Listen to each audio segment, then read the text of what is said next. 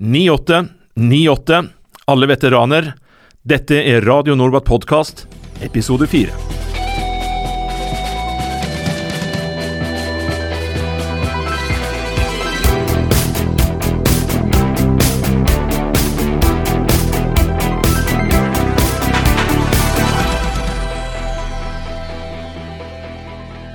I denne podkastutgaven av Radio Norbat så skal vi aller først få møte Frank Magnes. Frank Magnes er eh, forfatter av en eh, ny bok som heter 'Norske FN-veteraner i skuddlinjen Libanon 1978-1998'. Og I denne så har han i grunnen samlet mye dramatikk med kuler og krutt mellom to permer. Mer om dette litt lenger ut i sendingen. Du skal også få møte en eh, annen gjest om et langt, ja, skal vi si, hyggeligere og mykere tema. Det skal handle om kjærlighet langs Blue Line, som vi kaller det. Og du skal da få møte eh, MP-sjefen, som møtte sin livsledsager blant våre egne eh, idet de var på vei til Libanon. Ja, og så blir det mye mimring, da. Bombesikkert. Før vi eh, møter eh, Frank Magnes og hører om hans eh, spennende bok, så skal vi selvfølgelig trekke vinnerne av forrige ukes konkurranse. Svaret på spørsmålet om når hovedarrangement i forbindelse med Unifil-jubileet går av stabelen, svaret er 20. april. Det var det ganske mange som visste, men tre stykker er trukket ut som vinnere, og de vil motta ja, Radio Norba-T-skjorter, eller om det er veterancaps, det er jeg litt usikker på, men det er en av delene iallfall. Eh, og navnene på vinnerne det er Jon Bruvoll, Astrid Løkke, og sist, men ikke minst, Dag Bredeveien. Og så følg med på Facebook-siden vår, Radio Norbat på Facebook, for der kommer det en ny konkurranse allerede i morgen, altså på lørdag den 17. mars. Da skal vi eh, bevege oss inn i litteraturens verden her på Radio Nordbatt podkast. Frank Magnes, velkommen. Tusen takk. Du har begått en bok om eh, de skarpe situasjonene i Libanon. Den heter eh, 'Norske FN-soldater i skuddlinjen Libanon 1978 til 1998', blir det. Og den kommer ut eh, 19.20. april. Ja. Hva, hva, hva, hva vil du med dette her? Målet med boka er vel å, å vise, eller få fram, da, hva som egentlig skjedde i Libanon disse åra. Slik at folk eh, blir klar over hvordan det var å være soldat i Libanon. er, er det mye som er feid under teppet? Eh, nei, men jeg tror ikke det har vært satt fokus på det før. Det har vært skrevet bøker før, men ikke på den måten her. Ja. Metoden du har brukt? Ja, jeg har intervjuet ca. 115 soldater og de involverte. Men jeg kan også si at i boka blir det nevnt eh, 444 navn, som da omtales i boka. Så det har vært et veldig omfattende arbeid med å innhente opplysninger om de forskjellige sakene. Men du har fokusert på de mest dramatiske tinga. Ja. Du sier jo sjøl at dette er 450 sider med kuler og krutt. Ja, stemmer. Eh, la oss komme litt tilbake igjen til boka litt senere, Frank. Men eh, du er, det er jo ikke tilfeldig at du har valgt å skrive om akkurat dette her. For du er opptatt av militær historie, og du er veteran sjøl. Ja, det stemmer. Fra firer og åtter i Norbat. Ja, Norbat 4 og Norbat 8. Og da vil det si at jeg kom dit ned i september i 79. Det var jo ganske tidlig, da. Eh, I Nubat 4, kompani B oppe i Kaffer Hamam, så var det jo Vi var heldige, da, for det var ikke noe eh, spesielle, dramatiske situasjoner som skjedde den kontingenten for oss. Mm. Men, Men bare, for- eh, bare, for- det er jo ganske tidlig, sant. Det, Ja. det, det, Norbat var fremdeles i etableringsfasen. Ja. Og du sa at i fireren så var du Du var jo sanitetsmann, Ja. og så hadde du litt sånn gjesteopptreden som geværmann og, og på patruljer og slike ting eh, også. Men blant annet så var du en av de som var med å etablere en posisjon oppe ved Skjeva som eh, gikk under betegnelsen 414 OP. ja, Kan du beskrive hvordan den var? Ja, altså den lå da mellom Kaffe Shoba, eh, som lå i ytterkanten på eh, vårt AO, og oppe på toppen på fjellet der, Mm. eh, der lå, eh, det var det et platå som vi hadde to eh, OP-er. Som vi etablerte i Nubat 4. Det var eh, 414 Bravo og 414 Alfa. Og da du sitter på alfaen og ser over kanten der, så ser du rett ned på Skjeba. Mm. Men fasilitetene, utsikten Mm, var ja. sikkert utmerket, men fasilitetene? Ja, spesielt den der eh, Bravo-stillingen.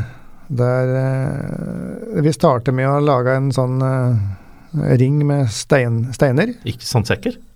Nei, vi hadde ikke det. Nei, ok. Man tager det man haver. Tager det man haver. Og så la vi da noen uh, knappeteltsduker over der. Ja.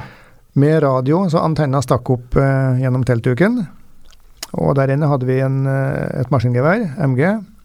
uh, nattkikkert, håndgranater og personlig våpen. Klar til å observere. Klar til strid. Ja. Og, og det var det? Ja, og mellom, mellom den OP-en og lagsteltet som lå litt bak, så hadde vi en uh, tråd med en blekkboks i andre enda, Ja. som sånn ekstra Alarm. ja, for det var uh, veldig dårlig Det var litt dårlig utstyr vi hadde i starten der. Ja, nå syns jeg du snakker med små bokstaver, for å si det sånn. Ja, vi klarte oss bra, det gjorde vi, men, uh, men altså vi, vi gikk jo da og alt, vi gikk på vakt, eh, to timers vakter og fire timers fri Mm. i 14 dager i strekk. Ja. Det vil si det samme som at vi ble ganske slitne etter hvert. Det slitsomt ut. Ja. Så mm, da det skjedde noe som en trengte assistanse, så var det vanskelig å få vekt folk, da. Mm. Men vi skjønner dere satt oppi denne steinrøysa som dere hadde bygd, Ja. og kikka ut og observerte. Og så hadde dere fire timer hvile, og da var dere i teltet og forsøkte å sove, antar jeg. Men hva med sånn dagligdagsting som å spise, få noe å drikke, gå på do? Ja, det var jo ganske provisorisk. Vi barberte oss og hadde utedo. Ja. Ja da, og så gikk vi patruljer der oppe på dagtid og litt på natta òg, så det skjedde noe stort sett hele tida. Mm. Um, Men du var, du var nede i åtteren også. Hadde ting forandra seg da? ja, eh, men jeg kan ta med at uh, i løpet av Norbat 4 så kom uh, Ital Air, altså helikopteret fra italienske vingen, uh, opp til Kafarham Amia og frakte sandsekker og eh, bygningsutstyr for å utbedre OP-en oppå der. Så Mm. det gikk fortløpende, det. altså. Så i Norbat 8 var det ganske bra i forhold til fireren. Uh, ja da, jeg kom ned igjen i åtteren. Og jeg var sanitetsmann i begge perioder. Begge kontingenter.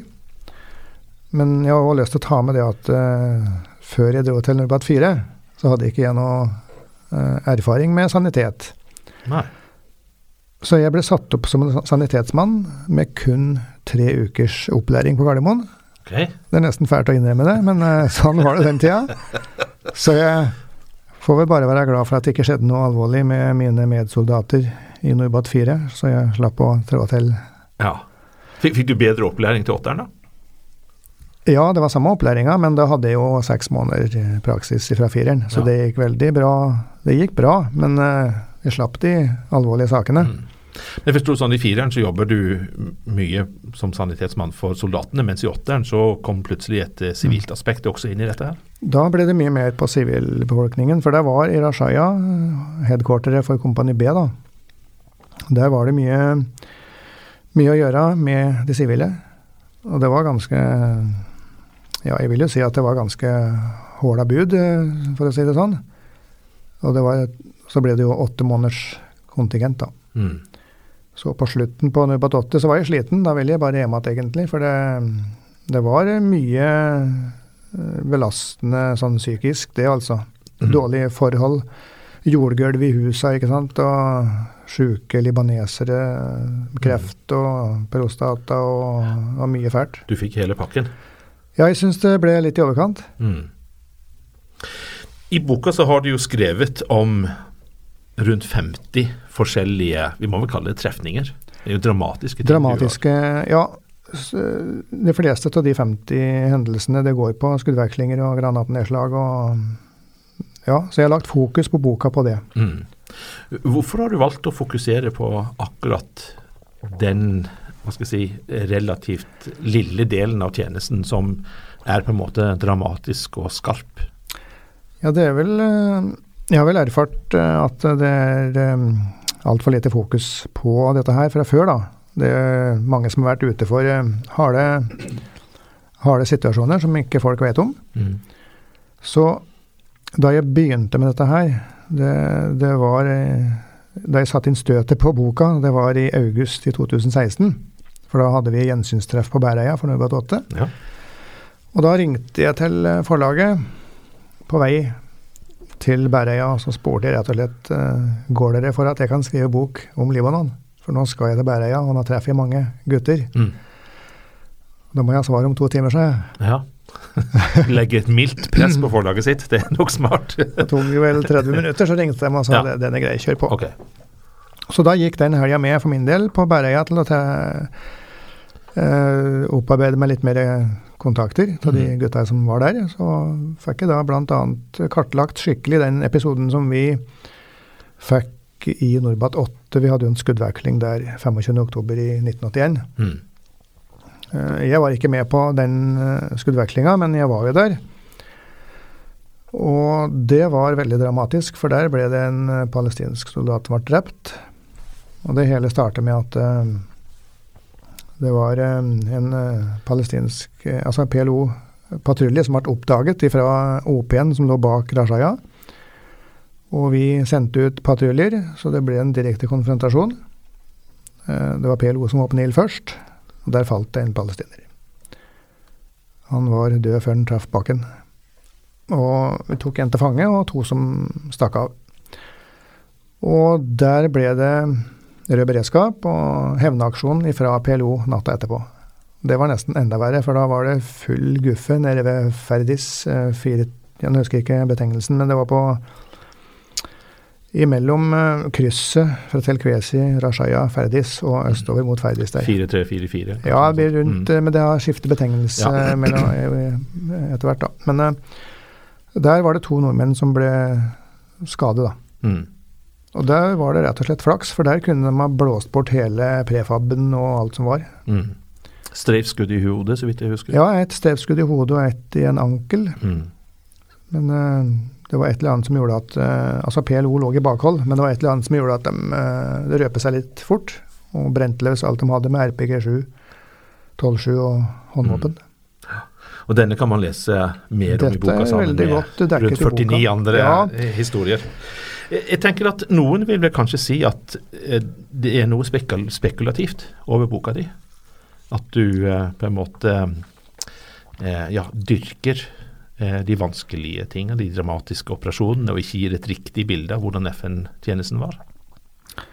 Um, ja, men altså det er jo mitt valg da, som forfatter å sette lyset på de dramatiske situasjonene nå. For det finnes jo bøker fra før om Libanon. Eh, og jeg har valgt å da sette fokus på de hardeste taka, slik at eh, det kan bli satt litt fokus på veteraner som Det er jo noen som sliter fortsatt lite grann. Og eh, det er ikke alltid så lett å få prate om ting. Og det er ikke alltid lett å få gehør hvis en vil prate heller. Så nå målet mitt med boka da, det er jo egentlig å få satt fokus på, på veteraner. Åssen det har vært å tjenestegjøre i Libanon, og at det faktisk har foregått uh, mange harde tak der nede. Mm. Det er det som er målet med boka. Også opplyse både ungdom, skoleungdom altså, uh, venner, bekjente, hele pakka, om åssen det var. Og så tenker jeg at da kan en veteran ta denne boka her og uh, gi den videre til de han måtte ønske å si at eh, les denne her, sånn var det i Libanon. Mm. Jeg har jo vært så heldig at jeg har fått eh, sniktitt på et eh, kapittel i, eh, i boka di, og jeg ser jo at du har gått grundig til verks når det gjelder å hva skal jeg si, kildekritikk og det å dokumentere hva som faktisk skjedde. Eh, jeg ser at du har, eh, i det avsnittet som jeg leste, så har du flere av de som faktisk var til stede, forteller sin historie, og så knytter du dette her opp til rapporter som er skrevet i ettertid, altså det som er på en måte dokumentert og Ja. lagt i eh, arkiver etc. Men har det vært en utfordring for deg å skille snørr og barter? Altså, eh, har det vært en utfordring for deg å så gå etter og etterprøve de minnene og påstandene og historiene som enkeltpersoner har hatt, og som de sikkert har fortalt i god tro, og for at de mener at det er riktig, og så oppdager du at nei, det var kanskje ikke sånn allikevel. Det er veldig sjelden at jeg har vært borti eh, eh, noe som folk eh, Altså Stort sett det meste jeg har fått hørt, det stemmer jo, men jeg har, jeg har eh, undersøkt det via flere. Eh, Den saken som vi, har, som vi prater om nå, det var ved Tel Kwesi 22.8.1978 i Nurbat 1. Og der har jeg pratet med åtte eller ni eh, soldater som var med i den trefningen. Eh, og jeg bruker som eksempel i innledningen min her at hvis det da er en tropp på 40 mann, kan du si, som er med på en trefning, så har du jo automatisk 40 forskjellige oppfattelser av den trefningen. Mm. Spriker det mye? Nei, det spriker ikke så mye som jeg kanskje frykter. Men da får jeg dobbeltsjekke det som en person sier mot nestemann, ikke sant. Og så Det som òg er litt fint, da, det er at de som jeg har pratet med, de anbefaler meg å kontakte Har de snakket med han? Har de snakket med han? Så får jeg satt sammen et uh, puslespill, Mm. og så skriver jeg litt, uh, litt om det, og så kommer fortellinga til de involverte. Med masse bilder og kart og, som du sa, uh, avslutter med utdrag fra krigsdagbøkene. Mm. For jeg har hatt en, uh, en medhjelper som har vært på Riksarkivet og skannet inn eh, eh, krigsdagbøker fra Nødbat 1 og til og med 10. For de er jo offentlige nå. Mm. Og det er veldig bra bakgrunn, men, men der òg har vi at det kan faktisk være skrivefeil på de òg. Og det har jeg avdekket Mm. ved at folk som var med i, i eh, noen operasjoner, eh, da sier at det var faktisk sånn. Så der er det en liten skrivefeil. Men hva velger du å tro på da? Nei, men da er det flere som sier det samme. Mm. Og jeg har gjort så godt jeg kan med å dobbeltsjekke ting, så jeg mener sjøl at det er, eh, skal være feilfritt, dette her. Men eh, det er klart, jeg kan ikke gardere seg mot feil, men eh, det er gjort så god research som det overhodet er mulig å få gjort. da. Denne boka, 'Norske FN-soldater i skuddlinjen Libanon 1978 til 1998', eh, kommer altså i handelen 19.20. april. Så den, den, man får ikke tak i den riktig ennå, men, men ganske, ganske snart. Hvem, hvem er det som er målgruppen? ja, jeg vil si at uh, både skoleungdom, veteraner da, ikke minst, da, eh, og familie og venner til veteraner, og i det hele tatt eh, alle som er interessert i norsk forsvarshistorie. Og det er ganske aktuelt eh, opp mot dagens situasjon nå, for Midtøsten er jo fortsatt urolig. Og det er mye, mye flyktningstrøm fra Syria, nabolandet til Libanon. Så vi som har vært der nede, vi skjønner jo kanskje litt mer av det i forhold til eh, de som vokser opp i dag. Men jeg vil jo anbefale ungdom å lese boka, slik at de kan se hva, hva Forsvaret har bidratt med i Midtøsten før, da. Mm. Hvor mange FN-dollar må man blø for å få 450 sider med kuler og krutt? Ja, du, dette her har vært eh, ganske slitsomt. Ja, ja, det er all fritid fra august 2016 til nå. Eh, Nå skal han argumentere for Har, at den blir dyr. Ja, men jeg, betalt for jobben. jeg har eh, brukt mye Ja, kapital og mye fritid. Ja. Ja da. Men hva kommer den til å koste? Boka koster Ja. 399. 399. Ja, Ok, Da vet vi det. Frank Magnes, tusen takk for eh, praten. Lykke til videre med prosjektet. ja, tusen takk. Og så får vi avslutte med å si sjokran. Ja, tusen takk til. Da har vi kommet til eh, en av de faste postene, som man sier, her på Radio Norbat podkast. Vi skal snakke om eh, kjærlighet langs Blue Line. Lars Finstad, velkommen til vår podkastsending. Jo, takk. Ja. Blant venner kalt eh, Lasse. Kona di kaller hun deg for Lasse? Ja. Eller har du noen andre, sånn Lassemann, eller Nei. Nei. Nei. hun er nok litt mer um, sier hun er, Nei, hun, det går på Lasse. mm, mm. Det er litt mer formell.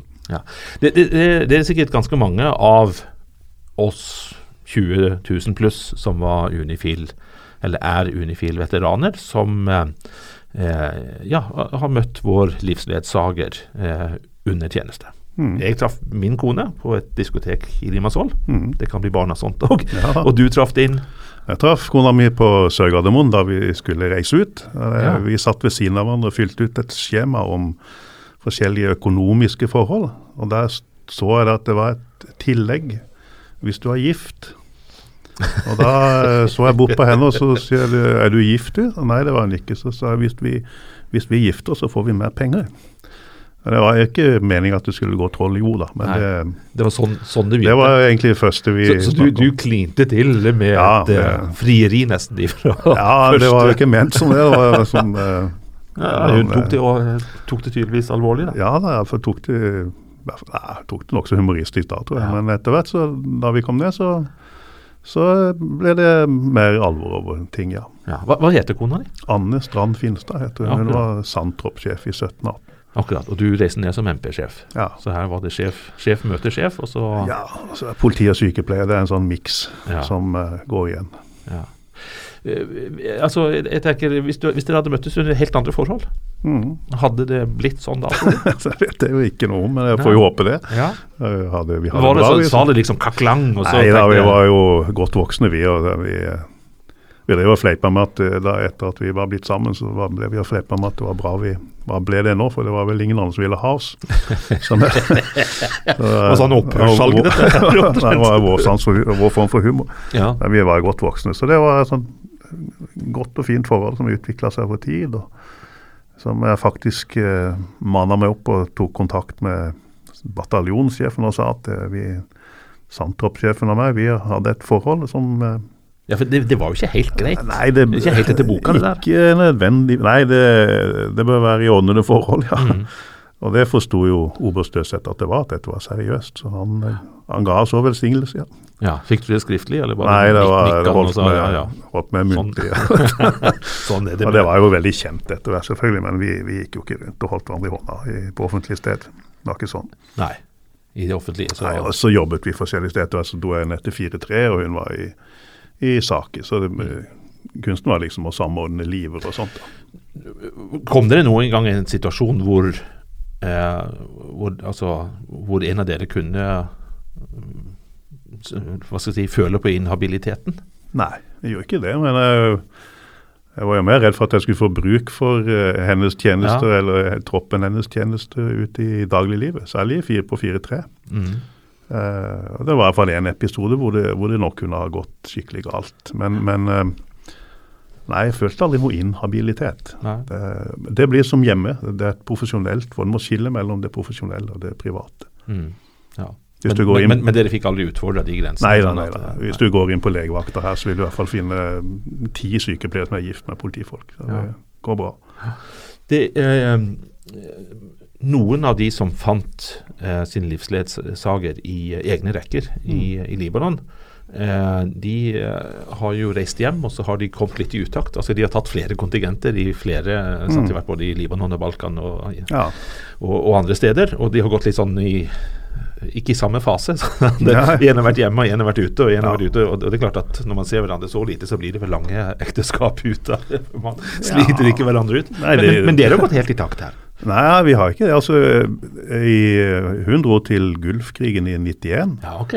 Og så, og da hadde vi en liten gutt på tre år som uh, hadde på armen og vi sto og vinka farvel til mor. Og I den tida var det ikke så vanlig at mor dro i krigen. Det pleide å være far. Det prøvde jeg å fortelle, men han tror ikke det gikk inn. Uh, og så dro jeg til Balkan i 92. Ja. Så var hun uh, ute litt med noe som heter en uh, AE, Aeromedical Evacuation. Eh, altså flytjeneste var bl.a. i eh, under tsunamien i Thailand i Ja. Ja, det husker jeg. 2005. Mm. Og så dro jeg til um, Kosovo og var der i to og et halvt år. Eh, hjem igjen, og så var hun eh, Hun har seks turer til Afghanistan, sånne to måneders turer. Og da hun var nest, midt imellom der, var jeg i Afghanistan i 15 måneder. Og så avsluttet hun på familiens vegne da, på en av de siste kontingentene der nede. Så vi har eh, Det ble en eh, med kontingenter ja, det er blitt det. Og, eh, og vi har alltid hatt noe å snakke om, og vi har støttet hverandre i dette og syns Ja. at det er bra.